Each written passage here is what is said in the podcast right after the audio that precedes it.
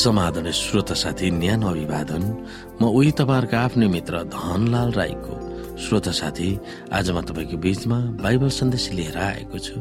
आजको बाइबल सन्देशको शीर्षक रहेको छ गरिब तथा विपन्न वर्गको निम्ति परमेश्वरको प्रावधान।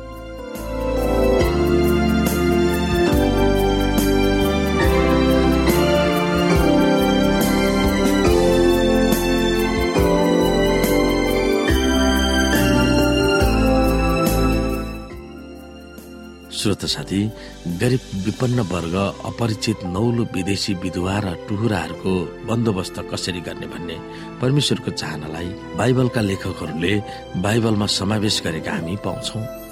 यसको बारेमा सिनै पहाडदेखिको लेखा हामीसँग छ। छ वर्षसम्म आफ्नो जमिनमा बिउ छरेर त्यसको उब्जनी बटुल तर सातौं वर्षमा चाहिँ त्यसलाई नौजोती बाँझै छोडिदेऊ र त्यसबाट तिमीहरू मध्येका गरिबहरूले खाऊ। तिनीहरूले उबारेका चाहिँ जङ्गली पशुहरूले खाऊ तिमीहरूका दाखबारी र भद्राक्षे बारीलाई पनि त्यसै गर। छ दिनसम्म आफ्नो कामकाज गर र सातौं दिनमा चाहिँ विश्राम लियो र तिमीहरूको गुरु गदा तिमीहरू घरमा जन्मेको दास र विदेशी पनि ताजा हुन्। हामी यहाँ बाइबलका केही पदहरू हेर्छौँ जहाँ त्यहाँ लेखिएको परिवेश अहिलेको भन्दा फरकै भए तापनि ती पदहरूबाट हामीले के नीतिहरू सिक्न सक्छौँ जुन हाम्रो जीवनमा हामीहरूकै परिपक्षमा परिमार्जित गरेर लागू गर्न सक्छौ।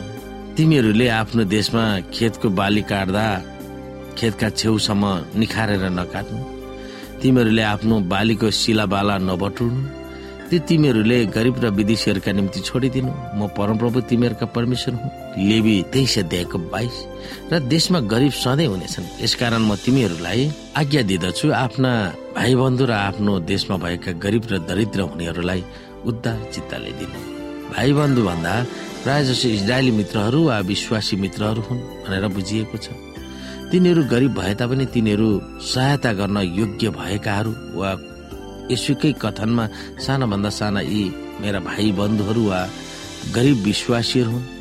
ती आवश्यक परेकाहरूलाई हामीले कसरी व्यवहार गर्नुपर्छ भन्ने निर्देशन भजनमा लेखिएको छ दुर्बल र अनाथहरूको रक्षा गर। गरिब र थिचोमिचोमा परेकाहरूको न्याय गर।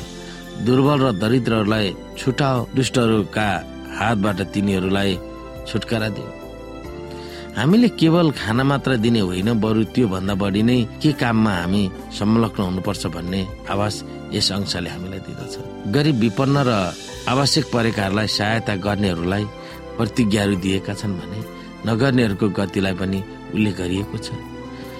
जसले गरिबलाई दिन्छ उसलाई कुनै अभाव हुने छैन तर जसले तिनीहरूप्रति आँखा चिम्लन्छ त्यसले धेरै श्राप पाउनेछ भनेर लेखिएको छ।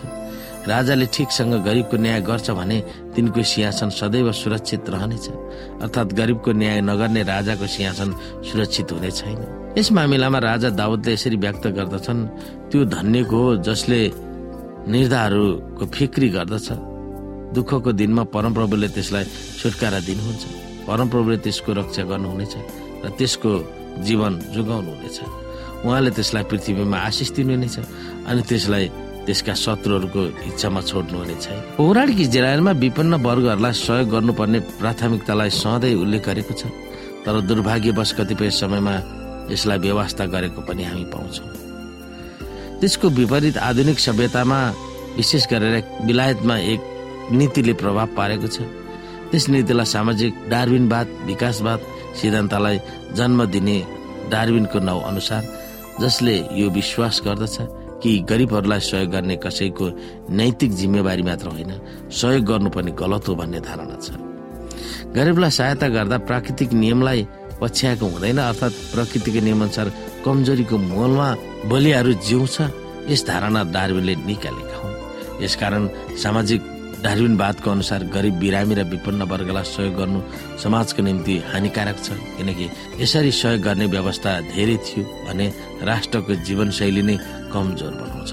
गरिबहरू बाँच्न चाहन्छन् भने तिनीहरू आफै सङ्घर्ष गर्न दिनुपर्छ। तिनीहरूलाई बाह्य सहायता गर्यो भने तिनीहरूको सङ्घर्ष गर्ने बललाई घटाइदिन्छ। यो धारणा निष्ठुर धारणा हो। यो विकासवाद सिद्धान्तको पहच हो। र आफ्नै सङ्घर्षमा बाँच्नेहरू योग्य हुन्छन् भन्ने धारणा दार्बिनको हो। र यो बाइबल अनुसार गलत छ। अन्तिम श्रोता सारा मानव प्राणीको निम्ति यसो मर्नु भएकोले मानिसहरू जो वा जे भए तापनि सुसमाचारको सन्देशले सबै मानिसलाई कदर व्यवहार गर्नुपर्छ भन्ने धारणा के उपयुक्त र न्यायचित छैन र एक आपसलाई सहयोग गरेर एक आपसको उत्थान गर्नुपर्छ भन्ने भावना यसो भक्तमा हुन जरुरी छ।